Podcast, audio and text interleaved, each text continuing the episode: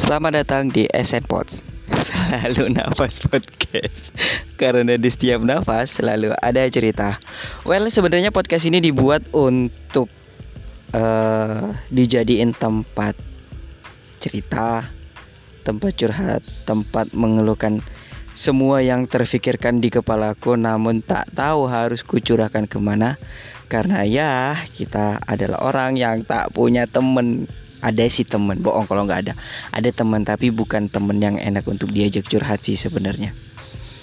Jadi ya karena latar belakang itulah makanya akhirnya ku buatlah podcast ini. Jangan harap bakal ada kata-kata motivasi hanya sekedar pemikiran belaka doang.